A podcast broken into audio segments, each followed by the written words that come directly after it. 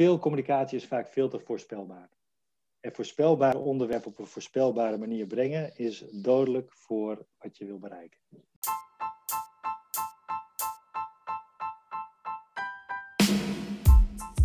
Welkom bij Getting Comfy With, de podcast waarin we in gesprek gaan met een professional, al dan niet uit de communicatiewereld, om te praten over onderwerpen die gelieerd zijn of te maken hebben met of invloed hebben op het mooie communicatievak. Presenteren is belangrijker dan ooit.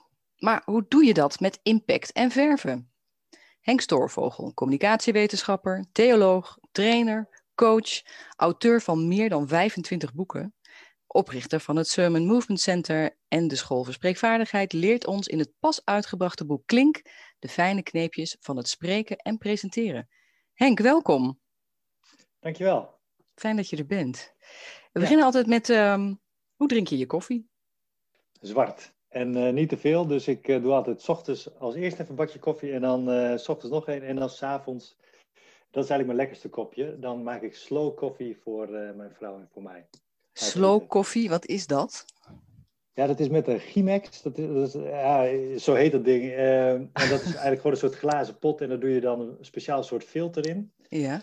En dan een beetje koffie. Ik doe altijd 24 gram vers gemalen koffie erin.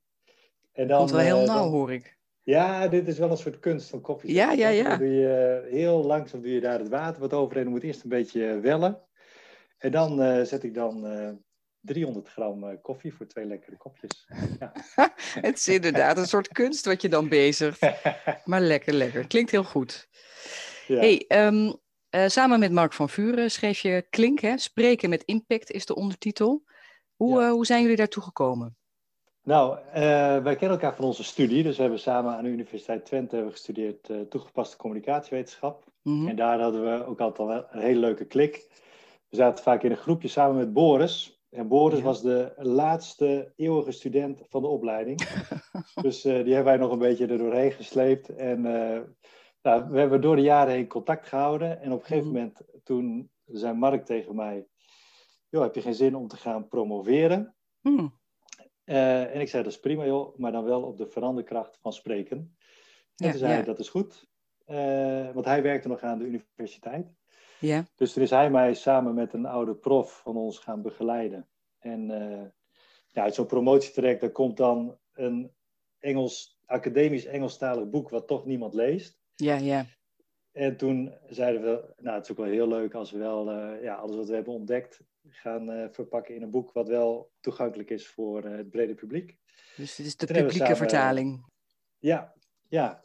En heel leuk om dat samen te doen. Hè? Dus het voelde gewoon nog een beetje als een voortzetting van onze studietijd. Ja, ja. Maar je zegt net veranderkracht van spreken. Ja. Wat bedoel je daarmee? Nou, in spreken um, zijn eigenlijk altijd drie grote doelen. Mm -hmm. het eerste is informatie overdragen. En daar leggen de meeste mensen ook vaak de nadruk op. Dat ze denken van nou, ik wil dat mensen wat gaan weten. Mm -hmm. uh, dan is het van hoofd naar hoofd. Uh, maar spreken gaat ook altijd, zeggen de grote retorici, over ervaren. Mm -hmm. Dus in een spreekbeurt wil je mensen ook gewoon een mooie belevenis geven. Dat ze denken van hé, hey, dit was gaaf. Maar het ultieme doel is dan mensen in beweging zetten. Dus okay. dat er daadwerkelijk iets gaat veranderen in het denken of het handelen van mensen. En um, een goede spreekbeurt die adresseert eigenlijk alle drie de niveaus. Maar het mm -hmm. ultieme doel is dan die veranderkracht. Ja, dat boeide me eigenlijk wel mateloos. Van hoe kun je nou dus met gesproken woorden... Zijn ja. daar dingen die je kunt doen of laten... waardoor die veranderkracht meer ruimte krijgt? Ja. En daar hebben we ons dus uh, flink in verdiept. Ja, ja, ja. En, en, wat kan je doen om het, om het ruimte te geven? Of om, je, om mensen zover te krijgen dat ze ook echt die verandering oppakken? Ja, nou, er zijn eigenlijk drie grote dingen die wij vonden. Die, uh, waarbij drie, daar moet ik dan altijd zelf al gelijk weer om lachen. Omdat in spreekvaardigheid is drie ook altijd een gouden regel. Ja. Dus sowieso probeer je het altijd te verpakken in drie.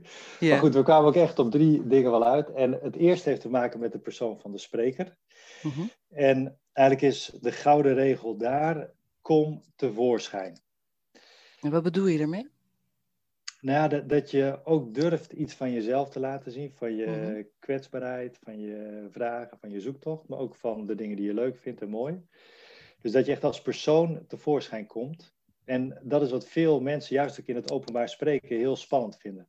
Ja. Dus eh, de neiging is vaak om je te verstoppen achter een eh katheder of achter een eh, computerscherm of achter een beamerscherm of wat dan ook. Maar Mhm. eh, het voelt toch vaak een beetje naakt als jij daar in je eentje staat voor een groot publiek. Ja.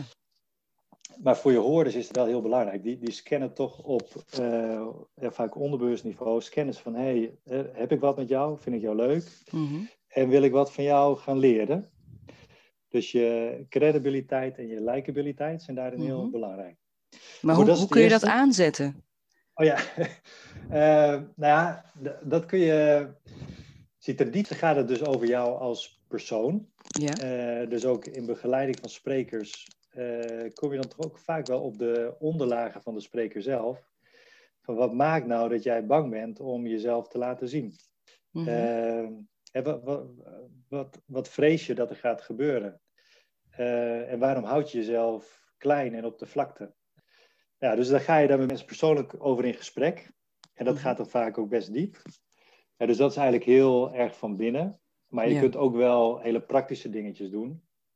Bijvoorbeeld een van de dingen die in Nederland heel goed werkt, is zelfspot. Eh, dus als je als spreker een podium opkomt en gewoon een grapje maakt over jezelf. Mhm. En dan moet je, in Duitsland werkt het eigenlijk tegen je vaak. ja, precies. Ja. Maar, maar in Nederland werkt het juist heel erg voor je. Dan zeg je, ah ja, als je om jezelf kan lachen, nou, dat is wel relaxed en dan wil ik wel eh, verder gaan luisteren. Dus dat is als een heel praktisch dingetje wat je kan helpen in, eh, in spreken. Oké. Ja. Maar goed, dat is eigenlijk het eerste. Mhm. Ehm, het tweede is de verbinding met je publiek. Mhm. En dat is ook wel een terrein wat uit mijn ervaring sprekers eh, vaak eh, ook heel moeilijk vinden om echt goed toe te passen. Ja. En je bent vaak vol van een onderwerp, Mhm. dus daar ga je helemaal op los. Maar op welke manieren raakt het nou de leefwereld of de besluitvormingswereld van jouw hoorder? Eh, Ja. En dat is echt een heel andere veld eigenlijk om op te schakelen. En veel mensen vergeten het überhaupt om het te doen. En het tweede valkuil wat mensen dan vaak doen als ze het gaan doen, is dat ze het heel praktisch maken en heel concreet. Mhm. Eh, dus dat ze allemaal voorbeelden gaan geven van, nou, hè, eh, misschien heb je het hier nodig, of zus of zo. En wat eh, wij hebben ontdekt is dat verbinding met je publiek goed werkt wanneer je weet af te dalen op waardenniveau. En daarmee bedoelen we eigenlijk, als je weet te raken aan de dingen die mensen blij maken, of bang, of verdrietig. Dus echt aan die basisemoties komt. Ja. Als je, als je daar weet te verbinden, ja, dan krijg je mensen echt op een, een diepe manier mee. En dan ontstaat er ook heel veel bereidwilligheid om ja, te luisteren en vanuit jouw woorden dingen te gaan doen. Ja. Eh, Maar dus dat vereist ook wel een soort. eh, oh, sorry. Ja, er verandert ook wel een, s- het, het vereist ook wel een soort research van tevoren dan. Hè? Met wie, wie, wie is je publiek dan eigenlijk? En hoe kan ik die raken? Ja, ja, en eigenlijk vereist het ook wel van de spreker bijna de vaardigheid van de psycholoog. Ja. Dus dat je echt een, een kenner wordt. Ik, ik noem vaak als, als spreker eh, moet je eigenlijk ook een soort connoisseur van de ziel worden. Mooi. Dus dat ja. je weet wat leven met mensen kan doen. Mhm. En dat je je communicatie daarop weet af te stemmen. En eh, nou, vanuit die zielsverbinding ja, ontstaat er ook veranderbereidheid dan bij, eh, bij mensen. Maar wat heb je Eh, daar dan voor nodig om dat te kunnen zien? Of om dat te kunnen weten? Ja, dat begint dus bij eh, het besef dat dit van belang is. En dan is het vanuit mijn ervaring ook veel trainen, dus het helpen van mensen om af te dalen tot dat waardeniveau. Omdat veel mensen toch de neiging hebben om daar te concreet Ja. en te praktisch in te blijven. Ja, ja. Eh, en dan wordt het vaak een schot hagel. Dus je kunt zeggen, ja, hè, misschien heb jij eh, een nieuwe jas nodig, omdat die van jou oud is, of je bent erop uitgekeken, of je vindt de kleur niet mo- mooi. Nou ja, maar dat geldt voor heel veel mensen misschien niet. Nee. Als je zegt van ja, als je bezig bent met een nieuwe jas, eh, want een jas is ook een, ja, een verlengstuk van wie jij ten diepste bent. Het is een uiting van je identiteit. Hé, hey, dat gaat in één keer over ons allemaal. Hè? We Ja, willen ja. dat de jas ons goed past. dus die, die sprongetjes, uh, steeds weer mensen, sprekers trainen om onder de oppervlakte te duiken. Mhm. ja, dat dat, dat uh, is echt een vaardigheid die je dan uh, moet leren eigenlijk. Ja. En is dat door iedereen te leren? Nou ja, dat is, de een heeft er meer aanleg voor dan de ander. Ja. Maar ik denk wel dat iedereen beter kan worden. dus okay, ja. iedereen kan erin groeien. En sommigen zullen er heel goed in worden en anderen een beetje goed, zeg maar. Ja. ja, precies, precies. Ja, en het derde punt, dat betreft eigenlijk de kwaliteit van je boodschap ja. en de wijze waarop je die overdraagt. En daar is eigenlijk de gouden regel, breng oorspronkelijke ideeën op een originele manier. En hoe Lekker makkelijk gezegd. Ja, ja, ja, ja. Precies. Ja, uh, en dus daal af naar de kern van wat je wil vertellen, de kern van je boodschap. Dus hoe meer je vanuit, uh, nou, we hebben ons boek bijvoorbeeld ook uit, opgebouwd vanuit de klassieke retorica. Hè? Dat is al een voorbeeld van. Ja. Dus deze zegt van, nou, we, we gaan naar de, de diepste fundamenten. Mhm. En dat is altijd goed. Als je met waar, welk onderwerp je ook over spreekt, kijk van waar komt het vandaan? Wat is de Mhm. oorsprong? Wat zijn grote denkers op dit veld? En als je die oorsprong dan origineel weet te verpakken, Mhm. in ons boek hebben we dat bijvoorbeeld gedaan door vijf coaches of mentoren in te brengen. Zoals Mohammed Ali, die Ja, ja. gaat leren over stijl enzovoort. Maar als je eh, dus je oorsprong origineel weet te maken, nou, dan ontstaat hele spannende communicatie. Mhm. Ehm, ja, dan is het nog van belang dat je goede spanningsbogen enzovoort aanbrengt. Daar, daar eh, schrijven we ook wel over. Maar dus de kwaliteit van de inhoud en de opbouw van je boodschap is ook echt cruciaal om je hoorders te boeien. Mhm. Want feitelijk is er niet zo heel veel nieuws onder de zon. Dus eh, mensen die hebben ook al Nee, ja, over heel veel dingen wel van alles gehoord. Dus als je daarin ruimte wil creëren in het systeem van je hoorder, dan is het van belang dat je mensen echt triggert op verrassing en op shock, soms zelfs. Ja? Eh, dus dat je dingen doet die mensen niet verwachten, of dat je dingen Hmm. niet doet die mensen wel verwachten. En dat je op die manier een echt nou, ruimte creëert voor de luisteraar om je woorden in te nemen. Precies. En kun jij eh, eh, een voorbeeld geven van dingen die je nog heel vaak fout ziet gaan bij sprekers? Die eigenlijk makkelijk op te lossen zijn? Ja, ja dat, dat zit dus eigenlijk wel heel vaak op deze drie terreinen ook. Mhm. Dus wat ik heel vaak zie is dat mensen eigenlijk denken van nou, als ik maar de inhoud benoem, dan heb ik gedaan wat ik moest doen. Ja, ja. Terwijl, dat zeg ik ook vaak tegen sprekers, het gaat er niet om wat je zegt, maar om wat de hoorder hoort Ja. en beleeft. En dat kunnen twee hele verschillende dingen zijn. En daar, daar Ja. zijn heel veel sprekers zich niet van bewust. Die denken, als ik het maar noem, dan, Dan komt er wel het goed. gezegd. Ja, precies. Ja. Ja, ja, ja. Ja, maar eh, ja, als je het saai zegt, of als je het een beetje mompelend zegt, of als je het heel voorspelbaar brengt, ja, dan, dan gebeurt er allemaal niks. Of het Nee. tegengestelde van wat je hoopt gebeurt er. Mhm. Dus ja, als je. Ik, ik zie veel communicatie is vaak veel te voorspelbaar. En voorspelbare onderwerpen op een voorspelbare manier brengen is dodelijk voor wat je wil bereiken. Ja, ja. ja, het vereist ook wel lef om het op een andere manier te doen.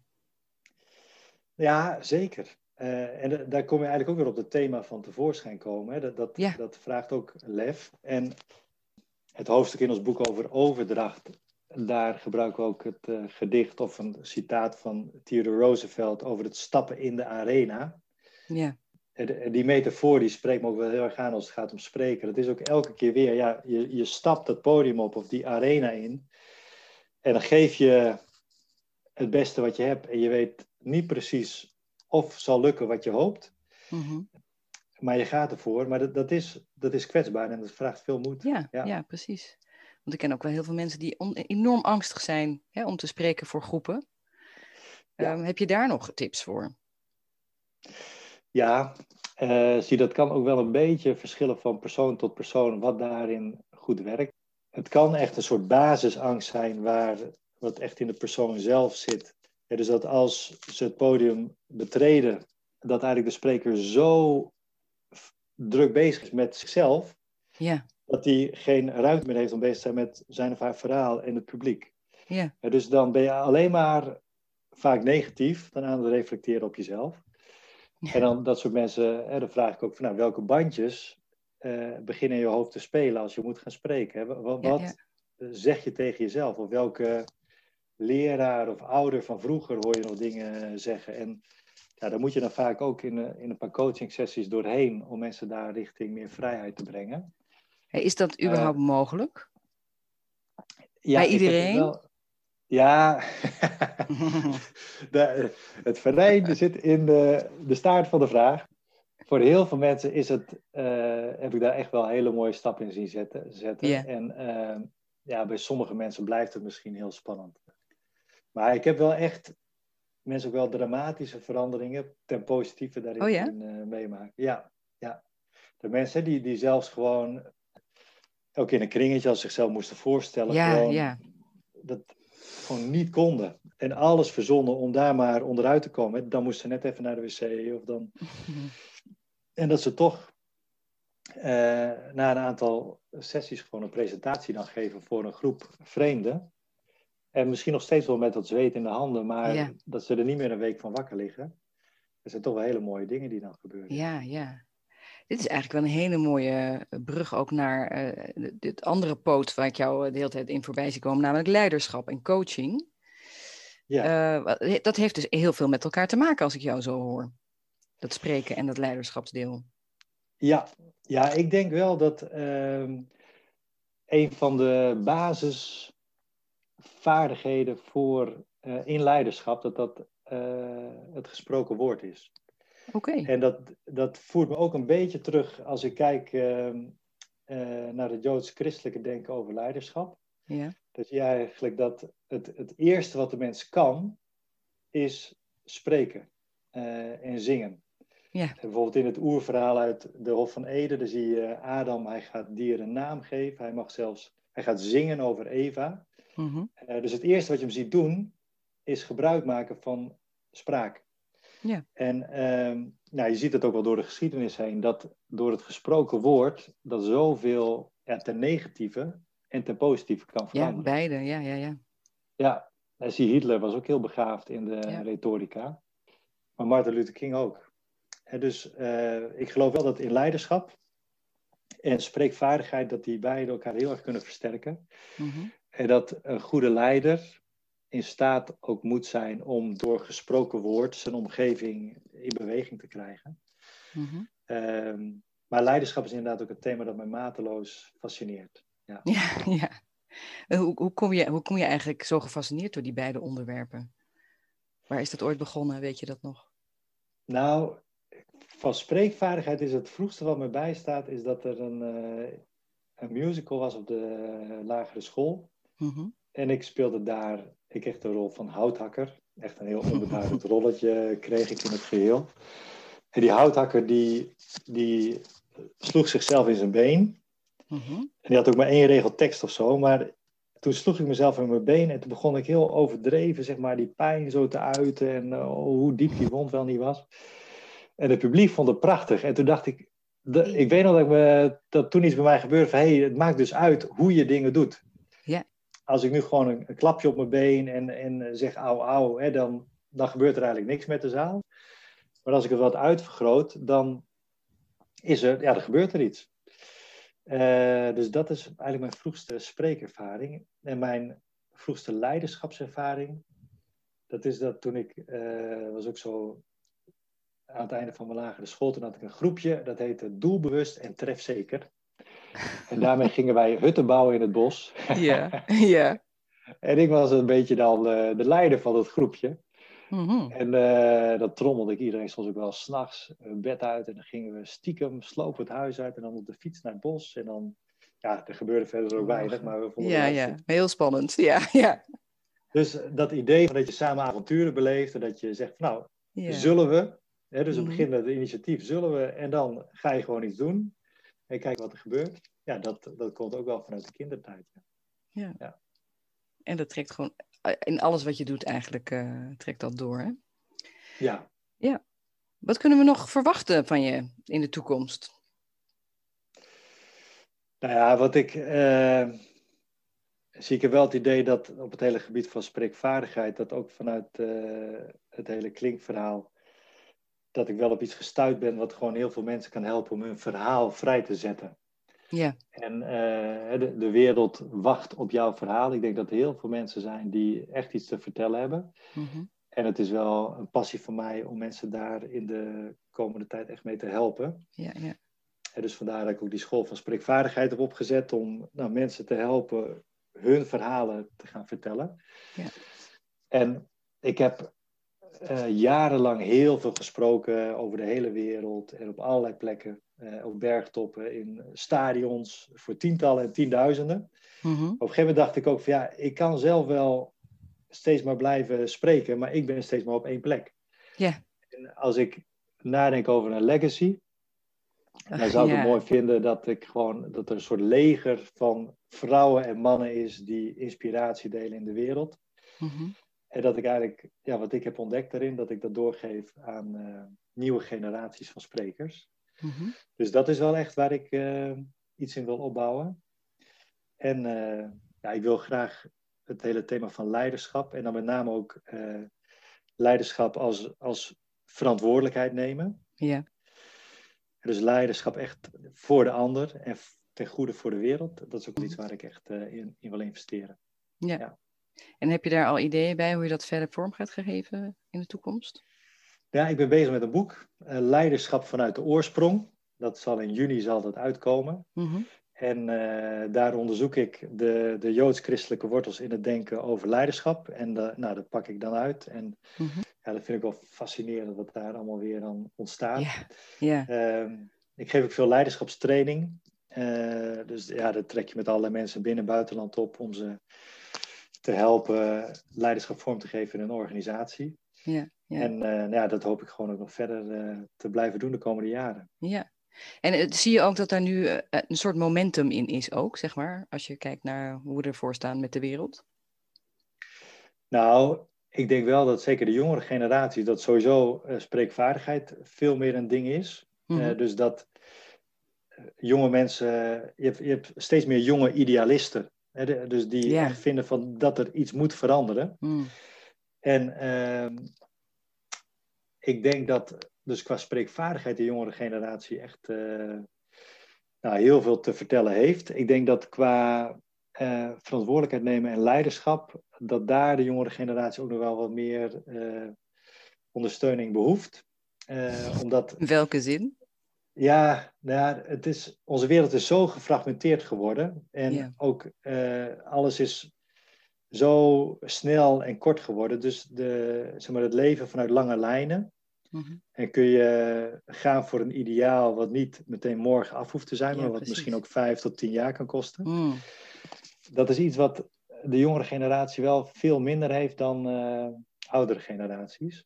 Ja. Hoe kan dat, Dus denk het je? meer- Ja, ik denk dat, eh, wat ik ook bij mijn eigen tienerkinderen zie, en ik, ja, wat ik ook bij mezelf al merk, eh, toch het hele online gebeuren, Ja.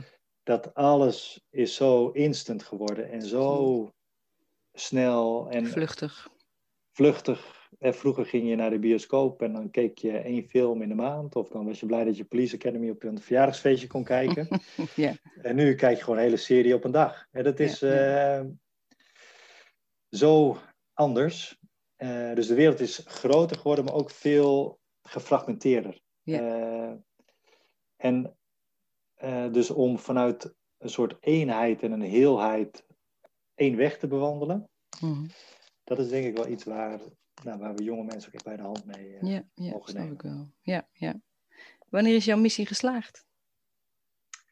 Ja, nou, Hm. dat vind ik een mooie vraag. En ik heb daar vanochtend over nagedacht, toevallig. Ik wist niet Hey. dat je deze vraag Nou, ging kijk eens. stellen. Maar mijn missie is geslaagd als ik een einde heb gemaakt aan mijn begin. Eh, dat klinkt misschien een beetje cryptisch, maar eh, Mhm. eh, ik geloof dat je ook dat leiderschap ook is dat je dingen niet tot de vervulling hoeft te brengen van wat het uiteindelijk kan worden. Ja. Maar dat leiderschap ook kan zijn dat je een begin goed afrondt. Eh, dus ik wil eigenlijk iets bouwen waar wat een ander nog weer tot volle bloei kan brengen. Ja, precies. Maar dat, dat begin wil ik wel echt uh, mooi maken en mooi afmaken. Ja, ja. ja. En dat dat ook verder gebracht wordt, misschien wel als jij er al niet meer bent, bijvoorbeeld. Precies. Dus ik zou het heel mooi vinden als ik dus uh, iets kan bouwen wat mijn leven gaat uh, overleven, gaat overstijgen en waar Ja. wat anderen tot een hoogte en een grootte en een impact brengen, ja, wat ik eigenlijk in mijn stoutste dromen niet kon voorzien. Nee. Mooi. Ja. Ja. Even terug naar het praktische. Hoe blijf jij bij? Wat lees je? Wat, wat kijk je? Wat luister je? Mooi. Eh, ja, nou, ik vind eh Dickie Dex vind ik hartstikke leuk. Het is wel qua... Oh, echt? Ja, Wat goed. ja, jij ook? Of, of, Nee, maar daar gaat het niet over. Nee. Ga door. Ja, nee, ik vind hoe hij zeg maar, eh, het leven verwoordt, dat, eh, dat, dat, dat spreekt wel tot mijn aan. Ja. verbeelding. Ja. Wat leuk. En ehm, qua lezen, ja, ik lees eh, veel. Ehm, ik ben bezig met, ik heb bijvoorbeeld net een boek gelezen over eenzaamheid en over vriendschap. Mm. Ik ben eh, er bezig met een paar boeken over leiderschap, om eh nou weer te gebruiken in mijn eh, boek. Ja. De moeder Teresa eh Oh ja. is een boek waar ik me in heb verdiend, eh, verdiept. En ik ben Barack Obama aan het lezen, zijn, eh, zijn biografie. Ja. Eh, dus ja, ik lees altijd wel vijf, zes boeken tegelijk. En dan eh, dat loopt allemaal een beetje door elkaar heen. Ja, precies. En ik kijk vaak twintig minuten Netflix op een dag. Dus dan kijk ik al een deeltje van een film of van een serie. 20 minuten. Ja, of een Heeft dat half een uur. reden? Nee, ja, altijd in, deeltjes. Dus ik ben nu bezig Deeltjes, met ja. uh, Pelé. En dat vind ik wel leuk. Nou, even Oh, kijken. ja. En dan, Ja. weer veel over Brazilië. En, Ja, eh. Dus ja, altijd... eh, al- ik ben altijd wel, heb ik die voelhorens uitstaan om er weer ergens in te verdiepen. Ja. En als je ons nou één, één medium moet adviseren wat we moeten lezen of horen of zien, wat zou je dan zeggen? Ehm, nou, ik ben sowieso wel echt voor lezen. Omdat dat is natuurlijk ook wat, eh, wat langzamer. En wat lezen meer heeft dan alle andere media, is Mhm. dat. eh, nou, wat ik zelf ook vaak ervaar, dat tijdens het lezen je het eigenlijk vertaalt naar je eigen wereld. Dus er, omdat het langzamer is, kan er meer ontstaan wat ook beklijft in je eigen leven. Hmm, hmm. Eh, terwijl een film of andere dingen, dat is toch vaak zo vormgegeven dat je in het moment het meemaakt. Ja. Maar dat het eigenlijk net te snel gaat om het echt van binnenuit er iets mee te doen. ja, Dus juist het langzame van lezen is volgens mij op de middellange en lange termijn het beste voor eh, ja, echt dingen meenemen en veranderen ja. van binnenuit. integreren in je eigen systeem. Ja. ja. Ja. Wat is het boek wat, het meeste, eh, wat de meeste indruk op jou heeft gemaakt? Nou, de eerste die mij dan te binnen schiet is eh, Nacht und Nebel. Mhm, van Floris Bakels. Die schrijft dan over zijn tijd in de gevangenkampen. mhm. En dat doet hij ja, zo indringend, eh, beschouwend. Eh, maar ja, daar pakt hij echt uit. Van, eh, uiteindelijk gaat het over de waardigheid van de mens. Ja. Dat is een boek wat heel veel indruk op mij heeft gemaakt. En het leukste boek ooit, dat vind ik eh, De avonturen van Tom Sawyer. Eh, ja, en leuk. dat is een boek, eh daar blijf ik ook gewoon om de paar jaar lezen. En dan schiet ik ook elke keer weer in de lach. Ja. de allermooiste scène dat hij binnenkomt lopen tijdens zijn eigen begrafenisdienst en nog blijkt Ja. te leven. En eh, ja, het is gewoon, ja, dat bruist gewoon van het leven. En dat vind ik ook heerlijk om dan eh weer Het past wel bij je. Ja, ja. Ehm, wat is het beste advies wat je ooit hebt gekregen en wat je nog regelmatig gebruikt? Zo. ehm, het beste advies. Ik denk dat dat het eerste waar ik dan aan moet denken is van Erik Hazelhoff Rolfsema. Dus hij heeft het Mhm. niet tegen mij gezegd, maar ik eh, las het in zijn boek eh, Soldaat van Oranje. Ja. Dat, eh, toen kwamen de Duitsers zeg maar Nederland binnen en hij had een vriend, Jacques ten Brinke. Dat was een hele nette rechtenstudent. En eh, Erik Hazelhoff, die was nou wat eh, strabanter. Mhm. En toen mochten de Joden niet meer studeren aan de Universiteit van Leiden. En dat vond eh, Erik vond het helemaal niks. En toen heeft hij een pamflet geschreven en dat verspreid. En toen waren de Duitsers zo boos dat ze de hele universiteit sloten. Mhm. En toen was Jacques ten Brinke boos op Erik Hazelhoff. Die zei, hoe heb je dit nou kunnen doen? Nu kan ik mijn studie niet meer afmaken. Ja. En dan zegt Erik, ja, waarom heb ik het gedaan? Hij zei, ja, eigenlijk weet ik het niet eens precies, maar soms in het leven gebeuren er dingen en dan zeg je gewoon, maar dit kan niet. Hm. En dan doe je iets. Ja. Eh, dus die zin, soms gebeuren er gewoon dingen en dan zeg je, ja, maar dit kan niet. En dan Mhm. doe je iets. Dat is wel iets wat eh, ja, mij heel vaak in beweging heeft gezet. Oké. Ja. Kun je een voorbeeld geven van wanneer dat gebeurt? Nou ja, ik was bijvoorbeeld in eh, Afrika en daar liep ik door sloppenwijken en daar rook ik de armoede. Hm. En daar eh, zag ik de wanhoop van eh, alleenstaande moeders met kinderen van vijf verschillende mannen die niet weten hoe ze de dag moeten doorkomen. En ik wilde altijd nog een keer een marathon lopen. Eh, en dat was dan een marathon van Rotterdam of zo. Maar ik was daar en ik zag dat. En ik dacht, maar dit kan niet. En ik ga wat doen. Ja. Dus toen zei ik tegen een paar vrienden van, zullen wij eh, een marathon opzetten in Afrika? Eh, dat wordt toch voor het goede doel. Dus we gaan op de plek van de armoede gaan we eh, een ultieme sportprestatie leveren. En daarmee moeten we per persoon minimaal 10.000 euro ophalen. Ja. En mijn vrienden zeiden, nou, mooi idee. Dus dat gingen we doen. En dat groeide uit tot de Muscatlon, waar we nu meer dan 30 miljoen euro al mee hebben opgehaald. Oh, echt, joh? In, eh, extreme armoede. Wauw. En wat, ja, wat elk jaar honderden mensen op allerlei verschillende plekken eh, doen. Ja, ja. Dus ja, dat is dan. Maar dat ontstond echt vanuit die basisemotie van ja, maar Ja. dit kan niet. En dan gaan we iets. We gaan iets doen. Ja. Mooi, mooi verhaal. Als mensen met jou in contact willen komen, kan dat? Ja, eh, het kan via hekstoorvogel.nl. Mhm, Eh, het kan via de school voor spreekvaardigheid.nl. mhm. En dan eh, ja, kunnen we gewoon kijken wat er eh, gaat ontstaan. Ja, ja. Leuk. Oké, dan wil ik je heel hartelijk danken voor je tijd. Ja. Ja, jij ook heel hartelijk bedankt voor de gelegenheid. En Yes. jullie ook veel eh sterkte met jullie mooie werk in de Future Communication. Dankjewel. Yo.